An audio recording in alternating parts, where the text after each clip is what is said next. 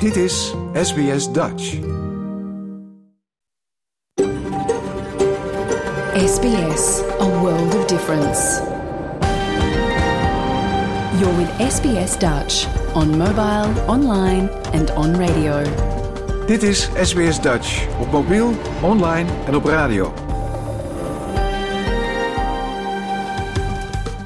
Graag erkennen wij de traditionele eigenaren van het land van waar we vandaag uitzenden. SBS Dutch betuigt daar respect aan de Camaragal mensen en hun ouderlingen uit het heden en het verleden. Ook erkennen we de traditionele eigenaren van alle Aboriginal en Torres Strait Islander landen van waar u vandaag naar ons programma luistert. Een hele goede morgen. Mijn naam is Paulien Roesink. Het is woensdag 12 juli 2023 en dit is SBS Dutch, het Nederlandstalige radioprogramma van SBS. Vandaag in dit programma hebben we heel veel aandacht voor het aanstaande WK voetbal voor dames hier in Australië en Nieuw-Zeeland. Maandag was SBS Dutch namelijk aanwezig bij de trainingen van Oranje en we spraken daar onder meer met bondscoach Andries Jonker en kiepster Daphne van Domselaar. Afgelopen vrijdag is in Nederland het kabinet gevallen. De regeringspartijen konden het niet eens worden over het asielbeleid. En dat betekende het einde voor Rutte, kabinet Rutte 4. Volgens voormalig parlementair medewerker Eva Schenk breken spannende tijden aan in politiek Den Haag. U hoort dat straks. Verder ook een nieuwe aflevering van de SBS Settlement Guide. Dit keer over interstate verhuizen. En we hebben muziek van een Nederlandse bodem. Maar we beginnen met een nieuwsflits.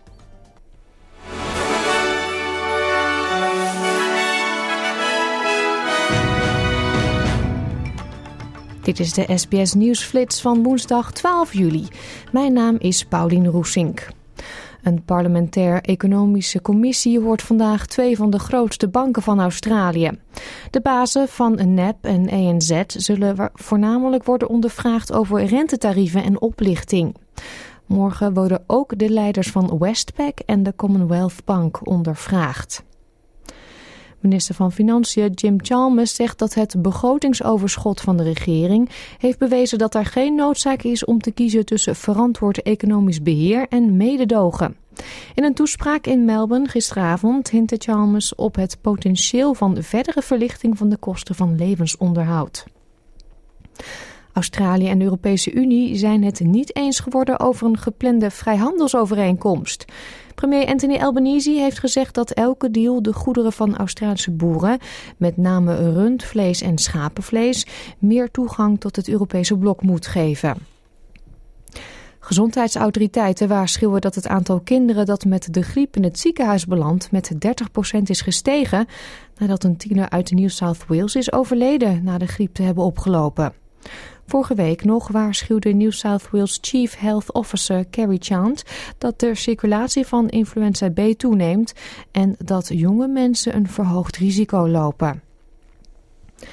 De Amerikaanse regering is teruggekomen op haar eerdere standpunt dat voormalig president Donald Trump immuun zou kunnen zijn voor de rechtszaak, rechtszaak wegens smaad, aangespannen door schrijver E. Jean Carroll.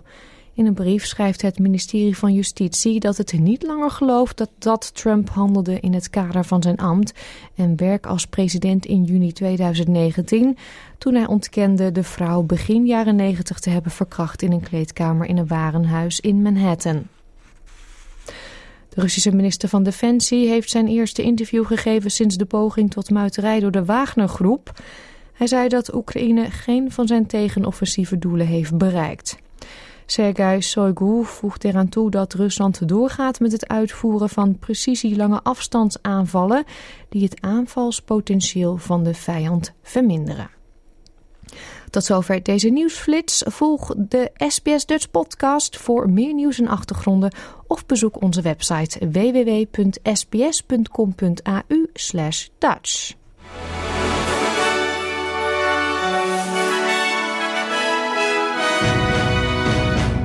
Nogmaals een hele goede morgen en welkom bij SBS Dutch. Straks wordt een gesprek met Daphne van Domselaar, de kiepste van de Oranje Dames, maar we gaan eerst verder met de actualiteiten. Nederland en Indonesië vieren de terugkeer van tal van culturele artefacten, waarvan sommige tijdens de koloniale tijd met geweld zijn buitgemaakt. De voorwerpen, waarvan de meeste deel uitmaken van de zogenoemde Lombok-schat, die in 1894 werd buitgemaakt door de Nederlands-Indische leger op het eiland Lombok, werden maandag officieel teruggegeven aan Indonesië tijdens een ceremonie in Museum Volkenkunde in Leiden. Hilmar Farid is directeur-generaal cultureel erfgoed van het Indonesische ministerie van Cultuur. Um, we are really delighted. No, um, this is a very historical moment for both of us. I think Indonesia and Netherlands and the relationship between the two. But I think what we have achieved so far is also a very um, significant contribution to the global debate yeah, about returning of colonial objects. Dat wereldwijde debat concentreert zich vaak op aanhoudende spanningen tussen Griekenland en het British Museum over het behoud door het museum van de oude marmeren artefacten die aan het begin van de 19e eeuw door Lord Elgin van de Acropolis zijn verwijderd. De Farid beschrijft de culturele en symbolische waarde van de Indonesische items. Yeah, we consider these objects as um, missing items in our historical narrative. Um, and of course, uh, they play uh, different roles symbolically, culturally. Um, for example, um, these statues that are standing behind me, they have um, a particular role in rituals. So bringing them back, uh, meaning that we would reintegrate them into their cultural context. Um, and that is, of course, of symbolic importance to us.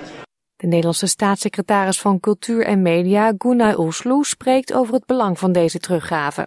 So it's a historical important uh, moment, not only for uh, I think the Netherlands and Indonesia. It's also an important uh, moment for the world because it, it's about colonial objects in a colonial context. So it's a sensitive topic, and now we are with Indonesia and the Netherlands. We're together um, um, also looking forward and, and giving objects back, doing research, working together, and uh, also exchange museum professionals. So it's, yes, the history, and, uh, but it's also the future.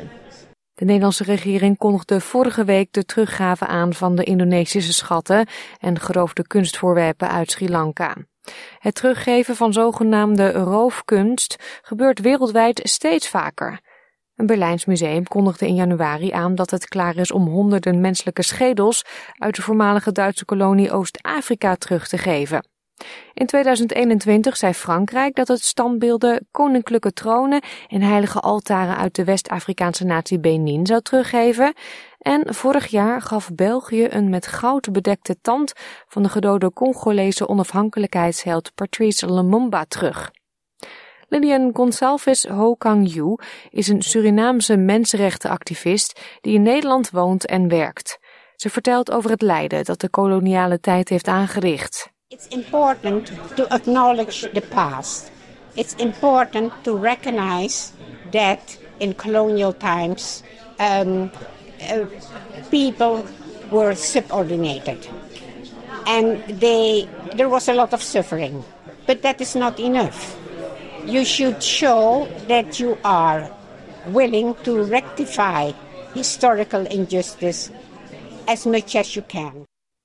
Dit was een verhaal gemaakt door Essam El Galib voor SBS Nieuws en door ons SBS Dutch vertaald in het Nederlands. Gaan we verder met nieuws van Australische bodem. Nu nieuws en achterklap 24 uur per dag doorgaat op internet, kan het soms moeilijk zijn om offline te gaan. Een nieuw onderzoek van geestelijke gezondheidszorgaanbieder Headspace toont aan dat jonge Australiërs die een wat zij noemen problematische relatie hebben met sociale media, moeite hebben om offline te gaan vanwege angst om iets te missen. Ook wel FOMO genoemd, wat staat voor Fear of Missing Out. Aan de National Youth Mental Health Survey van de organisatie deden ruim 3100 Australiërs tussen de 12 en 25 jaar mee. Uit resultaten blijkt dat 1 op de 3 jongeren een problematische relatie heeft met sociale media. 51% van de ondervraagden gaf aan wel vaker uit te willen loggen, maar de druk voelt om op de hoogte te blijven van online trends, nieuws en politiek. Het waarnemend hoofd klinisch leiderschap bij Headspace, Nicola Palfrey, legt uit hoe deze problematische relatie eruit kan zien.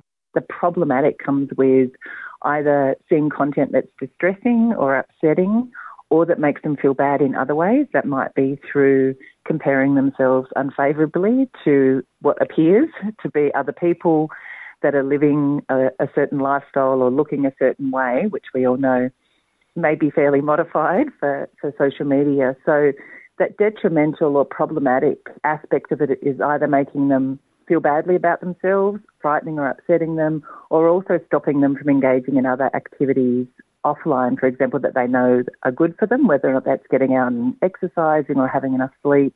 44% van de ondervraagden is van mening dat de inhoud die ze op sociale mediaplatforms zien meer negatief dan positief is.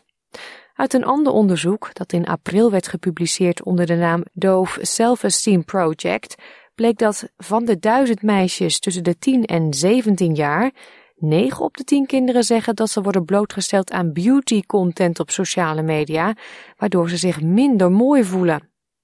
Ondanks dat ziet diezelfde groep voornamelijk de voordelen van deze platforms. 79% heeft het gevoel dat ze hun meest authentieke zelf kunnen zijn op sociale media. Mevrouw Palfrey zegt dat de jonge mensen zich vaak gesterkt voelen door de hoeveelheid informatie en de mate van zelfstandigheid waartoe ze via digitale kanalen toegang hebben. So you've got four out of ten people saying that they find it empowering as well. So as any of us know that have been on social media, there's always a balance, and young people are finding uh, online experiences can be really um, helpful for them, and, and they feel agency and be able to be connected to issues that they're interested in or concerned about, but also with other groups of young people that they might identify with and may not otherwise access in real life. So there's real benefits to it. Deze voordelen kwamen ook naar voren in het onderzoek van Paul Byron, hoofddocent digitale en sociale media aan de University of Technology Sydney. Hij bestudeerde de voordelen van online spaces voor de LHBTIQ gemeenschap. Hij zegt dat het deze groep mensen helpt mensen te vinden die op hen lijken. The main positives that I'm seeing there are connection to community and connection to peer support. So, so they can often find more connected spaces online and people who have been through what they're experiencing and people who can share their first-hand accounts. Zijn werk heeft tot doel de ervaringen van de jongeren centraal te stellen ten gunste van wat hij een top-down benadering noemt, voorkomend uit de bezorgdheid over sociale media van oudere Australiërs. Byron erkent echter dat, net als elke andere sociale plek, sociale mediaplatforms potentieel schadelijk kunnen zijn. So I think a lot of the debate and discussion is very top down and it's it's very much driven by the, the figure of the concerned adult. So my interest there is actually leading with the strengths or taking a strengths-based approach to young people's use of social media because I don't want to also say that young people aren't sometimes having a bad experience. They are. I think social media, we should remember that these are social spaces. And in any social space, there's always drama, there's always conflict, there's always you know, opportunities for, for bullying and, and um, unfair treatment. De Australische E70-commissaris meldde in januari dat het bureau bijna 1700 klachten over cyberpesten onderzoekt. Ook heeft het sociale mediabedrijven in het afgelopen jaar 500 keer gevraagd om aanstootgevende inhoud te verwijderen. Vorige maand waarschuwde de Surgeon General van de Verenigde Staten voor wat hij ziet als de negatieve effecten van sociale media. Hij riep op tot dringende actie om veilige en gezonde digitale omgevingen te creëren die schade tot een minimum beperken en de geestelijke gezondheid van kinderen en adolescenten beschermen. Professor Joe Robinson werkt bij Origin, een in Melbourne gevestigde geestelijke gezondheidszorgaanbieder voor jongeren en leidt een reeks onderzoeksprogramma's rond zelfmoordpreventie. Ze wil niet zeggen dat sociale mediaplatforms negatieve gevolgen hebben voor de geestelijke gezondheid, maar ze gelooft wel dat algoritmen die extreme online inhoud aanbevelen de risico's kunnen vergroten voor jonge mensen die het al moeilijk hebben. It's the ways in which the algorithms operate. So, you know, we all know that the more time we might spend looking at a particular type of thing, the more likely that type of thing is going to, that content is going to surface in our feeds. Um, so I think that's a real concern. So even a young person that might be looking for help for something like suicide or self harm, you know, all sorts of other things as well, they're more likely to get served up content relating to suicide and self harm. And that content won't necessarily be helpful content. It won't necessarily be resources to help them get help or manage their mood or their behavior, it might start to become unhelpful or even harmful content. So there's a real issue with the way those algorithms work. Overheden over de hele wereld hebben geprobeerd sociale mediagiganten aan te spreken, omdat ze vaak toestaan dat gevaarlijke en haatdragende inhoud zich via hun platforms verspreidt. Begin deze maand stuurde de E70-commissaris van Australië een juridische kennisgeving aan Twitter, waarin hij om uitleg vroeg over wat het doet om online haat aan te pakken. Hij noemde het platform een vuilnisbak. Pasi Saalberg, een professor in educatief leiderschap aan de Universiteit van Melbourne, zegt dat ouders ook een centrale rol moeten spelen bij de digitale interacties van hun kinderen. The worst thing that the adults can do, either, whether it's about parents or, or educators, is to, is to leave uh, these young people, so to speak, on their own devices. That, you know, if it's about gaming with the boys, one thing that parents can do uh, is to, you know, play with them and, and try to see what they do. If it's about social media, um, you know, the parents can can try to, you know, as much as is uh, ethically appropriate to, uh, you know, join the, the kids and, and show that we care. Nicola Palfrey van Headspace is het hiermee eens.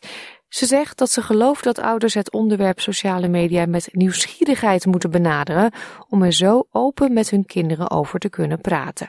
I mean, I think it's a shared responsibility. This is a, a place and space that kids play in, for want of a better word.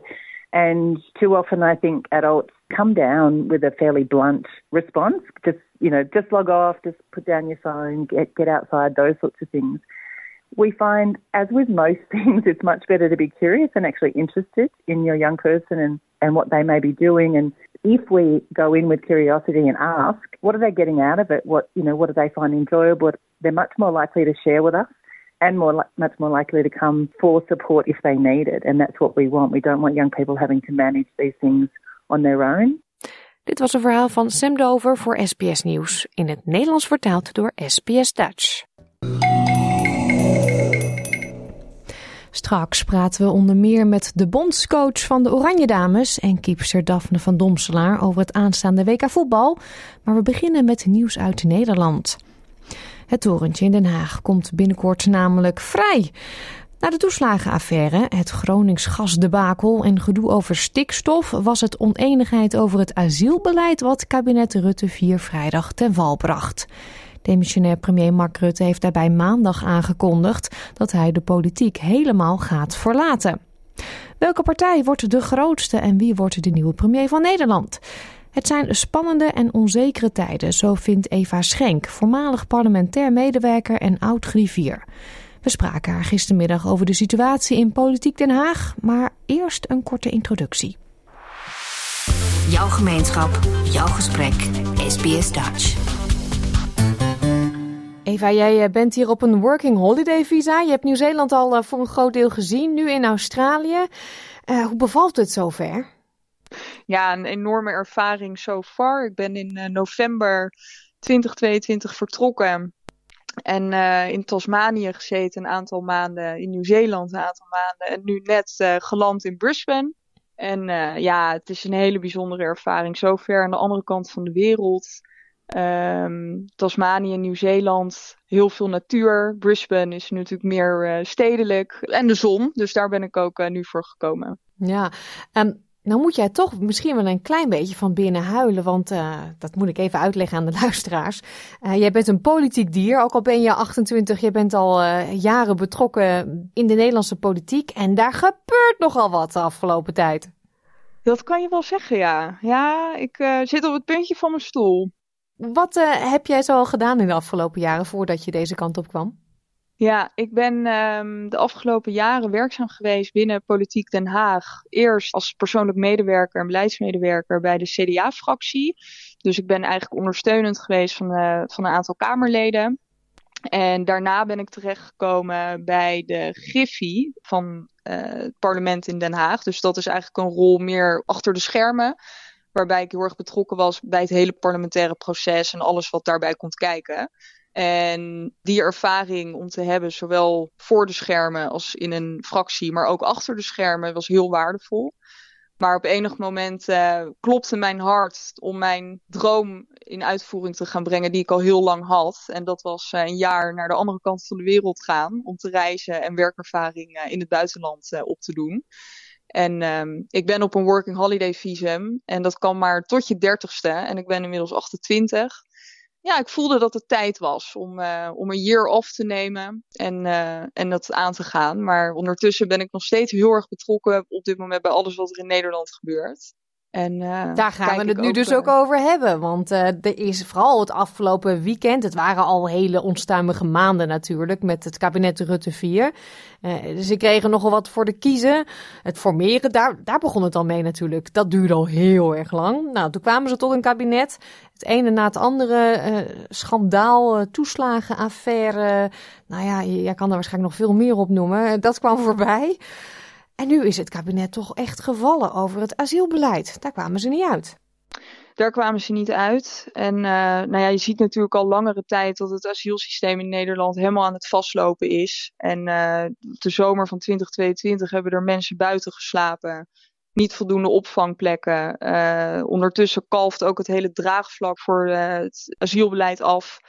En ja, je ziet gewoon dat dat, uh, dat dat steeds meer uit de hand begon te lopen. En dus ook in de onderlinge verhoudingen van de coalitiepartijen. Het was al bekend dat ChristenUnie en D66 daar gewoon heel anders in staan dan VVD en CDA. Maar het is wel opmerkelijk dat het nu op dit moment zo tot een einde is gebracht. In dit geval ook door, door de VVD en de inmiddels oud-premier Mark Rutte. Dus, uh, en waarom is het opmerkelijk dan? Nou, omdat het al langere tijd waren er heel veel issues tussen de coalitiepartijen onderling. Weet je, het was natuurlijk niet alleen asiel, het was ook stikstof, waar ook verschillen waren onderling. Hè? Na de afgelopen provinciale statenverkiezingen nadat de BBB, de Boer-Burgerbeweging, de grootste partij was geworden, merkte je ook dat in de coalitie de VVD en CDA, die ook van oorsprong meer boerengezind zijn, begonnen te draaien in het stikstofbeleid. Of tenminste, ja, wat minder, uh, minder ingrijpend wilden maken, dat stikstofbeleid. Dus het was al langere tijd dat het gewoon niet lekker ging. En het is wel nu dus opmerkelijk dat nu met immigratie Mark Rutte heeft gezegd: oké, uh, we trekken de stekker eruit. Ja, want is dat zeker dat hij dat heeft gedaan? Nou ja, er wordt nu uh, gespeculeerd in uh, de Telegraaf. Dat had ik toevallig ook gelezen. Dat, dat het heel goed zou kunnen zijn. Dat wordt door politiek commentators in de Telegraaf beweerd. Dat Mark Rutte een telefoontje zou hebben gekregen van Sigrid Kaag, de huidige vicepremier in Nederland en de minister van Financiën dat bij een motie die ingediend zou worden met motie van wantrouwen tegen Mark Rutte, dat waarschijnlijk een aantal van de D66 coalitiepartij daarvoor zouden gaan stemmen. Dat zou betekenen dat de motie meerderheid krijgt en dat Rutte dus ja, het, het torentje uitgejaagd zou worden. En er wordt dus nu gezegd dat hij waarschijnlijk ja, eieren voor zijn geld heeft gekozen en de vlucht naar voren heeft gekozen. En zelf voorafgaand aan het debat afgelopen maandag uh, zijn vertrek heeft aangekondigd. Maar waarom zou hij dat doen? Dat is echt uh, de eer aan zichzelf houden. Want je zou ook kunnen denken, wie weet, gebeurde er nog een wonder en uh, was hij aangebleven. Ja, ja, ik denk dat er is de afgelopen jaren zoveel gebeurd met, met Rutte. Het begon natuurlijk uh, nou ja, met het bonnetjesaffaire. Er zijn natuurlijk voor 2021, dus voor de coronacrisis, waren er eigenlijk al heel veel dingen gebeurd. Waarbij mensen hem ervan beschuldigen dat hij liegt, dat hij niet eerlijk is, dat hij geen openheid van zaken geeft. Actieve en dat is eigenlijk... wat was het ook alweer? Precies, geen actieve herinnering. Dat was hem, ja. En dat is eigenlijk uh, nou ja, heel erg uh, tot uiting gekomen bij uh, het functie-elders debat, zoals dat wordt genoemd. Met Pieter Omtzigt. Ja, met Pieter Omtzigt. En dat hij in, de onder, of, ja, in de verkenningsfase van het toen gekozen Tweede Kamer dat hij eigenlijk geopperd zou hebben om uh, Pieter Omzicht een functie elders te geven, ofwel niet in de Kamer, zodat hij niet uh, zijn parlementaire werk zou kunnen doen. En uh, nou ja, dat is toen bij zoveel mensen denk ik al ja, blijven hangen. Echt toen ook voor het eerst bij een breed publiek, ook bij VVD'ers. Dat mensen wel dachten van, goh, dit is wel echt, echt een ding. En ja, weet je, op een gegeven moment is het gewoon te veel. Op een gegeven moment is het klaar. En op een gegeven moment heb je geen draagvlak meer. Toeslagenaffaire, het gas in Groningen. Groningen is natuurlijk ook nog uh, dat, dat, ja, Groningen-rapport dat naar buiten is gekomen met echt, nou ja, toch ook wel hele ernstige constateringen. Wat de premier allemaal al wist en waarvan hij eigenlijk ook, ja, weet je, erop reageert alsof hij dat niet echt wist. Weet je, het is alles bij elkaar. Dat werkt gewoon niet meer. Ik denk dat hij zelf dat ook nu wel echt voelt. Van het is gewoon klaar. 13 jaar langzittende premier na de Tweede Wereldoorlog in Nederland. Het is mooi geweest. Ja, en hij komt ook echt niet meer terug, hè? want hij heeft aangekondigd echt de politiek te verlaten. Ja, en dat heeft, is ook wel iets wat hij overigens altijd gezegd heeft. Uh, dus hij heeft altijd gezegd: als ik eh, geen premier meer ben, dan hoef ik niet naar de NAVO, ik hoef niet naar de, naar de EU. Ik, uh, ik ga weer met, met mijn benen in de klei staan. Dus wat dat betreft is dat wel iets wat ik zelf aan Rutte heel erg waardeer. Hij komt natuurlijk ook uit het onderwijs. Heeft altijd lesgegeven geschiedenis. Heeft ook altijd nog één dag in de week voor de klas gestaan. En nou ja, we moeten maar zien wat hij nu gaat doen. Maar het zou mij niks verbazen als hij ook dat weer helemaal gaat oppakken. Hmm. Hoe is er in Nederland gereageerd op het nieuws? Ja, ik denk dat mensen. Veel mensen zijn opgelucht, blij. Die denken toch van hè, er is nu een einde gekomen aan het Rutte-tijdperk, zoals dat wordt genoemd. En het is echt ook tijd voor een nieuwe politiek en een nieuwe modus operandi. Maar ik denk ook wel dat veel mensen toch ook verdrietig vinden. Omdat, weet je, ja, Rutte heeft inderdaad zijn dingen. En hij loog op een gegeven moment alles bij elkaar. En hij had dingen die absoluut niet is wat je wil, denk ik, als een premier van het land. Maar ja, het was ook wel iemand die altijd vrolijk was. Die altijd uh, mensen kon laten lachen. Altijd een glimlach op zijn gezicht. Weet je, dat zijn wel dingen. Ja, dat raken we nu kwijt. En de vraag is wie het over gaat nemen. Ja, inderdaad. Want uh, wie gaat Rutte opvolgen? Dat is al een grote vraag natuurlijk als partijleider. Uh, maar ook het CDA heeft volgens mij nog niet helemaal duidelijk wie de kar gaat trekken bij deze verkiezingen. Nee, dat klopt. Dus dat is. Uh, nou ja, we hebben het nu ook over echt de klassieke middenpartijen, zeg maar. Dus in dit geval VVD, CDA, waarvan de leiders ja, niet terug gaan komen bij de volgende verkiezingen. Dus het is helemaal de vraag wat er gaat gebeuren en wie dat over gaat nemen. En wat dat ook weer voor invloed heeft op de uitslag van de verkiezingen straks. Ja. Dus het, het zijn hele spannende tijden wat dat betreft. En, uh... Denk je dat het politieke klimaat hier iets mee te maken heeft? Want uh, volgens mij is het momenteel niet echt heel erg leuk om een Kamerlid of minister of minister-president te zijn. Ja, ik dat zou kunnen, zeker. Omdat je ziet natuurlijk gewoon nu gebeuren in Nederland dat vrijwel alle Kamerleden en vrijwel ook alle bewindspersonen bedreigd worden, geïntimideerd worden. Dus dat is gewoon een heel groot probleem. En dat heeft ook gewoon heel veel ja, impact op je privéleven. Dus het zou ja, heel goed kunnen zijn hè, dat op een gegeven moment partijleiders zeggen: luister, het is, uh, het is mooi geweest. En uh, ja, ik ga weer wat anders doen. Maar goed, ik denk in het geval van Rutte. Kijk, Rutte die is natuurlijk alleen. Hè, die heeft ook zelf ja, geen kinderen, geen gezin. Dus voor hem is het denk ik ook weer een andere afweging dan voor Wopke Hoekstra. En Wopke Hoekstra heeft natuurlijk wel gewoon vier kinderen, vier of vijf kinderen. En, uh, en een gezinsleven. En ja, hij kan zo weer terug naar uh, Mackenzie als hij wil. Daar is hij natuurlijk altijd uh, consultant geweest. Dus ik denk dat sommige partijleiders ook denken: ik grijp weer terug op wat ik had. En dat is ja, in zijn geval een topfunctie bij Mackenzie. En misschien in het geval van Sigrid Kaag is dat iets in de internationale diplomatie. Hmm, want heeft zij ook al aangegeven dat ze ermee ophoudt? Ja, Sigrid Kaag, leider van uh, D66, leidster. Zij heeft niet zo lang geleden in een interview aangegeven dat in ieder geval haar kinderen en haar man het absoluut geen probleem vinden als zij, uh, als zij ermee op zou houden. En dat is wel het feit dat je dat kenbaar maakt in zo'n interview. Nou ja, dat, dat zou je wel kunnen zien als een eerste signaal of een eerste manier om te laten weten aan, aan het publiek en ook je achterban en je kiezers dat er niet een tweede ronde komt. Dus dat sluit ik ook niet uit. Nee. Ja, hoe nu verder in Nederland? Want het is wel een heel erg precair moment dat dit gebeurt. Totdat er een nieuw kabinet geformeerd is, uh, gebeurt er eigenlijk niks. Worden er geen grote beslissingen genomen. Nee, precies. Dus het kabinet is dan nu demissionair uh, verklaard, zoals dat heet in uh, Haagse termen. Dus ja, ze kunnen niet hele um, grote beslissingen nemen. Maar alles draait wel een beetje door. Maar ja, het, klopt wat je zegt. Het is wel een hele bijzondere situatie dit nu in Nederland. Uh, precies omdat je ziet dat ook zoveel mensen nu vertrekken. Het is maar helemaal de vraag wie dat gaat opvolgen voor de VVD, voor, voor het CDA.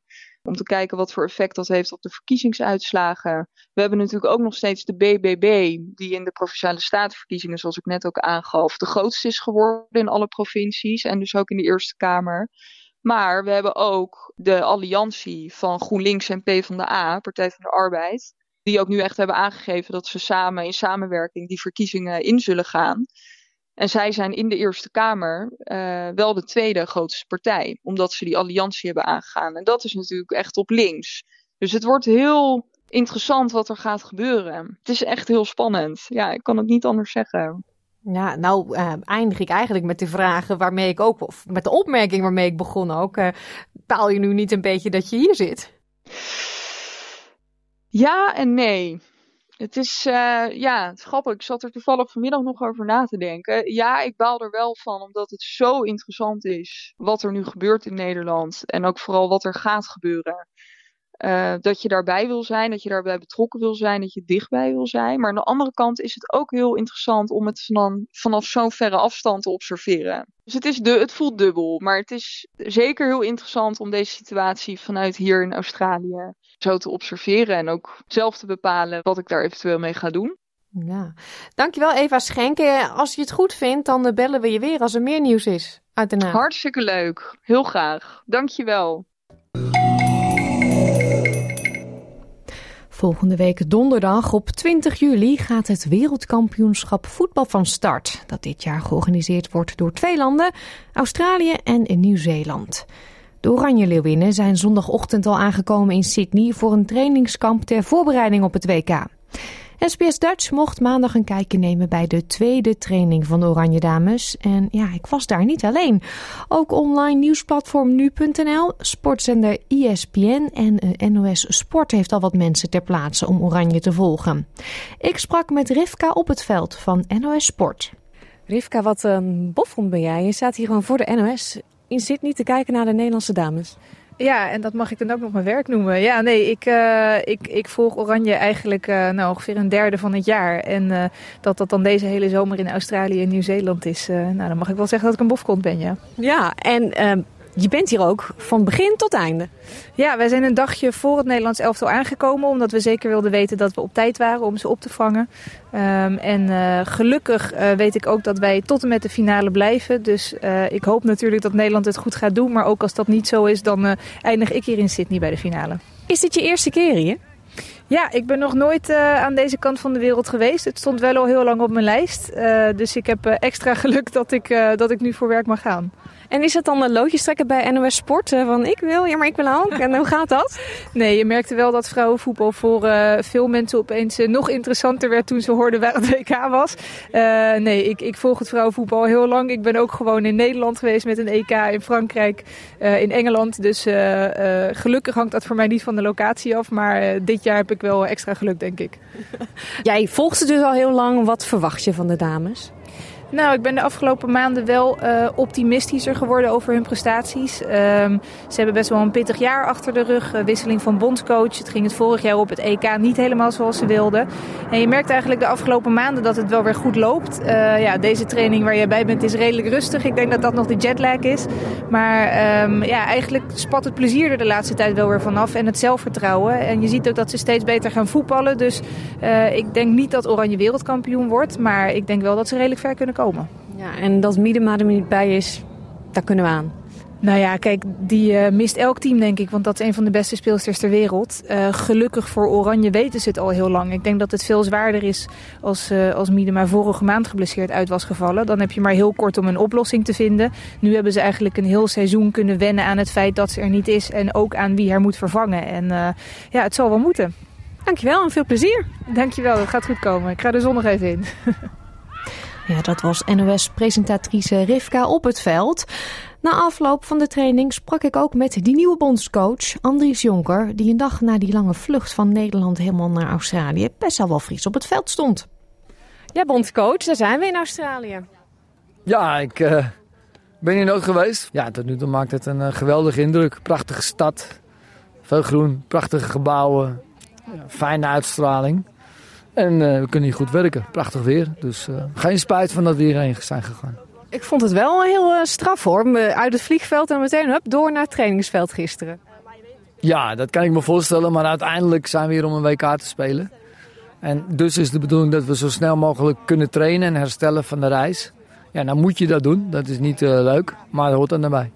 En het feit dat jullie nu hier in Sydney zijn terwijl jullie de poolwedstrijden in Nieuw-Zeeland spelen, dat is een bewuste keuze, neem ik aan. Geleidelijk acclimatiseren. Ja, maar ook wel uh, spelers het gevoel geven. Je speelt een WK, je doet iets bijzonders. En met alle respect voor June Hidden, hè, maar het is uh, enorm zuidelijk. Uh, niet zo'n hele grote plaats, niet zo aansprekend als Sydney. Veel kouder, veel slechter weer. En ja, hoe krijgen we dan voor elkaar dat die spelers zich en goed aanpassen... en het gevoel krijgen, ja, maar dit is wel heel bijzonder dat we dit gaan spelen. Ja, toen was het niet zo moeilijk om te zeggen van nou, dan maken we een tussenstop in Australië. En daarna gaan we naar het noordelijke eiland van Nieuw-Zeeland en niet naar het zuidelijke. En dan is het uh, wedstrijd 1, Portugal. Doe ons hier in Australië plezier. Win die. Ja, maar daar gaat het om. Het gaat altijd om deze volgende wedstrijd in topsport. Die moet je winnen. Ja, en uh, daar is alles op gericht. Daar hoef je geen zorgen over te maken. Het gaat nooit bij ons over Amerika. Dat is de tweede wedstrijd. Het gaat altijd over Portugal. Die moeten we winnen. En dan, als jullie die winnen, dan gaan wij er al stiekem vanuit dat jullie dus ook nog even naar Australië komen. Nou ja, dat is natuurlijk de doelstelling. Kijk, we, we, we denken dat we van iedereen kunnen winnen. En als je dat denkt, en als je dat gelooft, als je daarvan overtuigd bent, dan is het natuurlijk ook de doelstelling om hier weer terug te komen. Ik denk niet dat we in de positie zijn te roepen, we worden even wereldkampioen. Zo goed zijn we niet. Zoveel goede speelsters hebben we niet. Andere landen hebben meer topspeelsters. Maar we kunnen echt van iedereen winnen. En dus willen we graag terug naar Australië straks. Ja, nou dat vind ik een hele goeie. Um, hoe is het? Want het toernooi is in de Nederlandse zomer. De mannen die genieten nu lekker van hun vakantie. Die vrouwen die bikkelen door. Is dit iets waardoor u denkt van nou, het moet een beetje terughoudend zijn de training. Straks zijn ze moe of ze raken geblesseerd. Het duurt nog zo lang. Ja, is een groot, uh, groot issue in het vrouwenvoetbal. De, de belasting, het aantal toernooien in de zomers. Elke zomer een groot toernooi voor een aantal topspeelsters. Dat kan eigenlijk niet. Doen veel meer dan mannen in dat opzicht. Maar ja, uh, het enige wat ik kan doen is ervoor zorgen dat ze vakantie uh, hebben gekregen of krijgen. Ja, ze hebben allemaal drie weken vakantie gehad. En dat moet voldoende zijn. Accu moet weer vol zijn. En ze lopen er enorm gretig bij. Dus ik denk dat we het voor elkaar hebben gekregen. En niemand die houdt een beetje de voet op de rem? Nee, echt niemand. Want ja, dat kan niet, kan niet veroorloven. Dan doe je niet mee. Op dit, dit niveau is veel te hoog. Voet op de rem, dan ben je eigenlijk uh, word je niet eens geselecteerd. Dat kan niet. Laatste vraag namens de community hier. Ik, ik krijg als media hier, uh, Nederlandstalige media, de vraag van iedereen: waar kunnen we komen kijken naar die training? En ik heb begrepen, het kan niet. Ja, ik, ik ben heel open. Hè. Ik vind zo'n uh, nationaal team, uh, heet niet voor niks nationaal team. Dat is van ons, van de mensen, van het volk. Ook van de mensen die in Australië wonen. Ja, we staan hier bij een uh, fantastische accommodatie van een school. Ja, en er zijn dan weer regels aan gebonden. Ik, ik wil het best informeren. Ik zou het heel graag willen. En er ook geen enkel probleem meer bepaalde, bepaalde dagen dat er... Schoolvakantie ook? Ja, nee, ik, ik ga het vragen. Heel veel succes. Dankjewel, Pauline. Ja, een klein sprankje hoop dus voor de Oranje fans in Sydney. De KNVB heeft laten weten serieus te kijken naar mogelijkheden. Dus ja, zodra wij iets horen, dan hoort u het ook. Kiepster Daphne van Domselaar die maakt haar WK-debuut bij Oranje. Voor familie en vrienden van de speelsters is het net even te ver om te komen... om de nodige support te geven tijdens het WK. Daphne die hoopt dan ook dat veel Oranje-fans te zien bij de wedstrijden. Zo vertelde ze na afloop van die training. Daphne, hoe voel je je? Ja, ik voel me eigenlijk heel erg goed. Na afgelopen uh, dag natuurlijk gereisd en nu uh, ja, gaat het eigenlijk goed. Is de jetlag al een beetje aan het weg hebben of ben ik nou een beetje te snel? Uh, ik heb het gevoel van wel. Ik hoop dat vannacht ook een goede nacht wordt. En dan hoop ik morgenochtend gewoon van de wekker wakker te worden in plaats van midden in de nacht. Maar tot nu toe voel ik me hartstikke goed, dus ik ben blij. Jullie hebben gisteren op een andere locatie getraind dan vandaag. Hoe voelt het gras hier? Ja, het voelt hartstikke goed. het is lekker gesproeid. Het ziet er goed uit. Dus uh, ja, ik ben blij dat we hier, hier, zijn gekomen. Wat was er mis met gisteren? Ja, uh, het was gewoon een ander soort veld. En uh, we zoeken altijd naar de beste velden in de omgeving. En dit lag er toch iets beter bij. Dus we hebben gekozen om hier te gaan trainen. Mm. gisteren hebben jullie ook wat leuke dingen gedaan. Ik zag jullie bij het Opera House. Ja. Is dit je eerste keer in Australië? Nee, ik ben één keer in Australië geweest in 2014. Dat was ook voor het voetbal. heel kort hoor, in Sydney geweest. Dus ik had hem al een keer gezien. Maar het is nog steeds hartstikke mooi uh, om uh, hier in Sydney te zijn. Ik vind het tot nu toe een hele mooie stad. Het is heerlijk weer voor in de winter. Dus uh, ja, helemaal leuk. Kijk je uit naar wat jullie te wachten staat? Want het is natuurlijk wel een enorme overschakeling van Nederland, zomer, hierheen naar de winter. En dan straks ook nog weer door naar Nieuw-Zeeland. Dat is heel koud. Ja, hier is het echt nog super voor de winter. Uh, en bij ons in Nederland was het afgelopen week ook niet uh, de meest fantastische weer. Uh, dus ik ben blij dat het hier ook nog zonnig is en een mooie 20 graden volgens mij. Maar er is wel weer een overstap naar Nieuw-Zeeland. Daar is het wel iets kouder, dus we gaan het zien. Gelukkig zitten we in het noordelijke eiland, dus dat scheelt al in ieder geval iets met waar we de eerste wedstrijd spelen in het zuiden. Dat is gelukkig een overdekt stadion. Dus als het regent of sneeuwt is het in ieder geval droog. Is het alleen koud. Dus dan kunnen we hopelijk ons opkleden. Dus dat komt vast helemaal goed. Ja. De fans hier in Australië kijken er naar uit om jullie uh, ook hierheen te zien komen. Hè? Dus Portugal verslaan. Amerika mag ook, zou ook leuk zijn. Hè? Doe je best. Want we willen jullie graag ook in Melbourne en Sydney zien. kijken jullie daar nou ook naar uit? Ja, we kijken echt per wedstrijd. Dus eerst Portugal, dan Amerika dan Vietnam. En dan natuurlijk hopen we door te gaan. Dus, maar dat is nog iets te ver weg. Dus we kijken eerst naar die andere wedstrijden. En als het zover is, dan is het echt super om daar ook heen te gaan. Nou heb ik begrepen dat het natuurlijk anders is dan anders. Want jullie zitten heel ver weg, andere kant van de wereld. Dus familie kan niet echt mee, hè? Nee, dus weinig familie uh, die komt. Het is gewoon uh, heel ver vliegen. En we spelen op verschillende locaties om, om, ja, om ons echt te kunnen zien is het gewoon heel erg moeilijk. Het is kostbaar. Dus we hebben heel veel uh, supporters thuis. die allemaal s s'nachts wekker zetten om te gaan kijken. Dus we hebben sowieso heel veel support.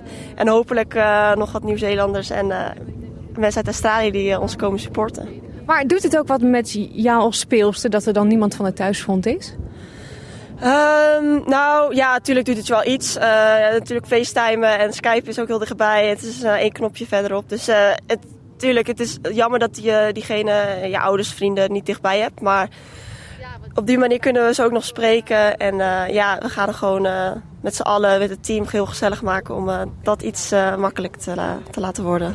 Nou heb ik namens SBS de mensen hier in Australië, de Nederlanders, een klein cadeautje. Zodat jullie je thuis voelen, hoop ik.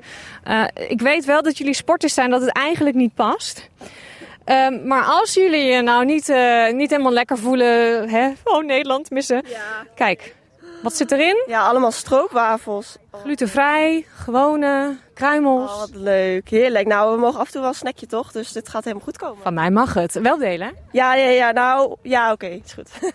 Heb je nog een, eh, een, een, boodschap voor de Nederlanders hier die uh, niet kunnen wachten om jullie te zien spelen?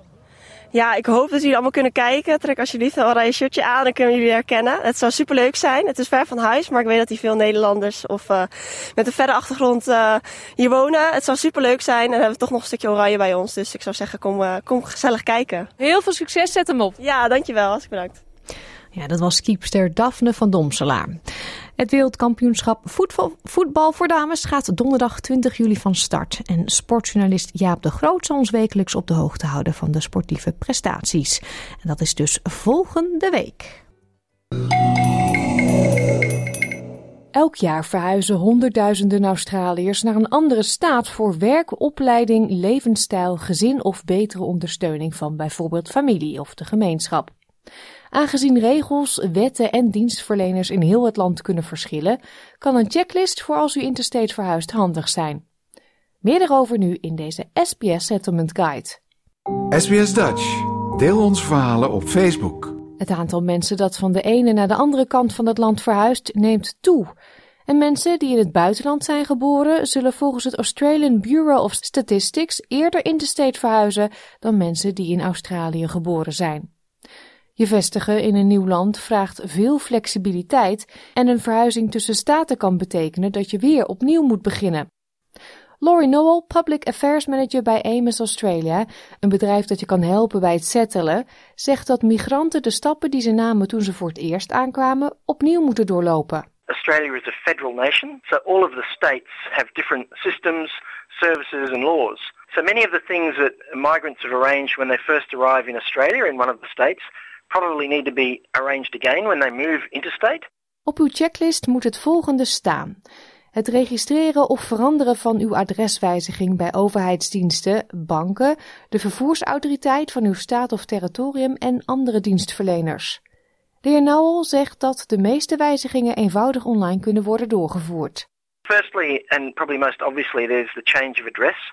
People need to change their addresses, and, and not just for their friends, but maybe you know, with their bank, maybe with Centrelink if they're receiving some sort of payment. If they're on a particular visa, it may require that the immigration department um, are informed of the new address. Medicare needs to know of your current address, and that's true for anyone. So it's, it's also worth thinking about leaving a forwarding address from your old residence as well, so that your mail catches up with you. Pallavi Takar vestigde zich in Sydney toen ze uit India aankwam, maar verhuisde daarna naar Melbourne voor een carrière-mogelijkheid. Ze raadt aan om een flexibel budget te hebben om financiële verrassingen te voorkomen. Since it was a big move from one state to another, it was important to have a budget in mind uh, when it comes to moving. We spent around $10,000 on this moving. Uh, sometimes we just don't give that much importance to budget, but it is important. Aangezien elke staat en elk territorium zijn eigen regels en voorschriften heeft met betrekking tot de registratie van motorvoertuigen en rijbewijzen, zult u deze documenten waarschijnlijk moeten omzetten of overdragen en hiervoor kunnen kosten in rekening worden gebracht. Obviously, you also need to change your driver's license, and most states offer you about three months to do that. And speaking of transport, obviously the road rules are different in each state. Victoria is particularly unique because of a number of trams that are on the road. So it's worth finding out about the you know particular local road rules. Also, public transport systems are different. Ticketing is different, and some places are better served with public transport than others. In Australië is stemmen verplicht. Elke keer dat u verhuist, moet u uw adres op de kiezerslijst bijwerken, anders kan uw naam worden verwijderd en kunt u niet stemmen. Volgens meneer Noel biedt de Australische kiescommissie verschillende opties om uw gegevens bij te werken. You probably need to inform the Australian Electoral Commission of your move, and then when you reach the new state, you need to enrol in that state to be able to vote. Technically, it's compulsory to vote. You know, you can be fined if you don't, you know, enroll when you're eligible to. Australië heeft een nationaal leerplan, ongeacht waar je woont of naar welke school je gaat. Laurie Noel van Amos suggereert echter dat het doen van een beetje research kan helpen bij de inschrijving, aangezien schoolvakanties, eh, certificaten en vakken kunnen variëren. If you have kids or even if an adult is involved in training or education, it's worth knowing about you know the system in the particular state you're moving to. For instance, schools in different states have different term and holiday times. They offer different subjects and courses, so it's worth um, getting your head around that. Pallavi Takar raadt ook aan om contact op te nemen met uw verzekeringsmaatschappijen voordat u overstapt, aangezien premies en dienstverleners van staat tot staat kunnen verschillen. We realize that the insurance company, the health insurance, charge more because of the Victorian laws and regulations. You need to check all your providers who are operating in one state whether they are able to give you the same in the other state as well because state to state uh, services differ and uh, the operators differ. Sommige migrantengezinnen willen zich aansluiten bij culturele communitygroepen om in contact te komen met ondersteunende netwerken en om advies te vragen over een nieuwe verblijfplaats. Mevrouw Takar zegt dat ze sociale mediaplatforms nuttig vond om praktisch advies te krijgen.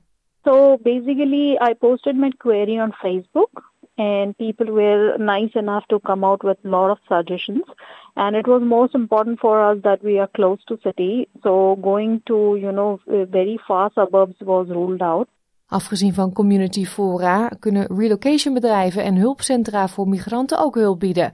Al dus de heer Noel. Government has a uh, translation and interpreter service that's available and free to people.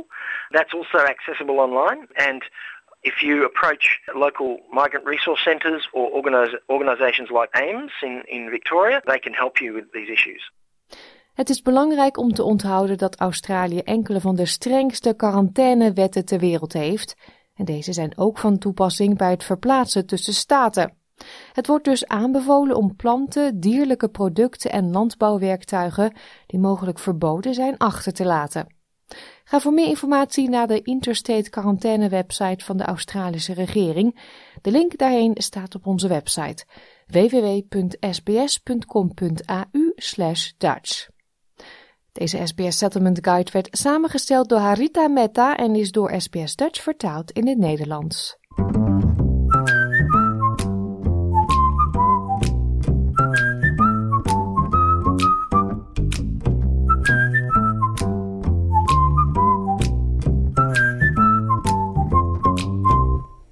We zijn aan het einde gekomen van deze uitzending van SBS Dutch. Op onze website www.sbs.com.au Dutch kunt u deze uitzending en al onze andere gesprekken en podcastseries terugluisteren. Het is ook terug te luisteren trouwens via de SBS Audio app. Dat is heel handig voor op uw smartphone of tablet. Deze is gratis te downloaden in de App Store of via Google Play. SBS Dutch is ook te volgen op Facebook, www.facebook.com slash sbsdutch. Geef ons daar een like en reageer op onze onderwerpen. We sluiten vandaag af met muziek van Lucifer. Dit is House for Sale. Ik wens u een hele fijne middag en graag tot zaterdag. Like, deel, geef je reactie. Volg SBS Dutch op Facebook.